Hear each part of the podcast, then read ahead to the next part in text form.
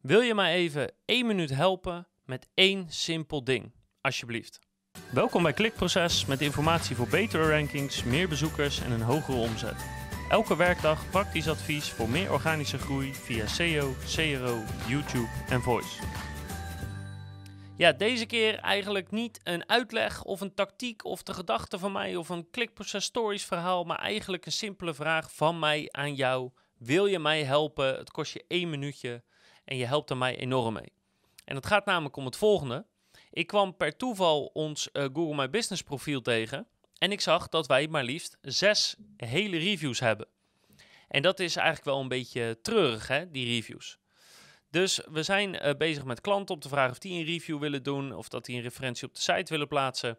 Maar mijn vraag aan jou zou eigenlijk zijn, heel simpel.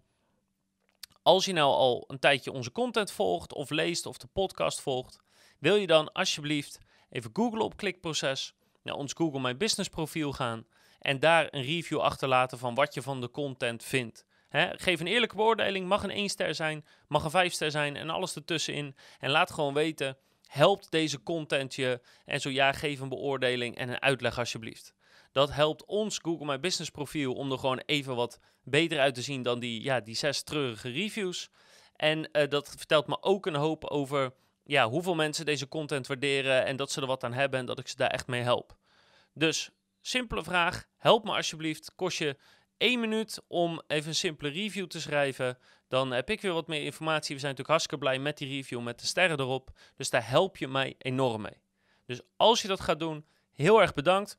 En laat ook even weten dat je het gedaan hebt. Laat een reactie achter op, uh, op YouTube. Uh, stuur mij even een berichtje naar, via bart.klikproces.nl. Stuur me een berichtje op LinkedIn.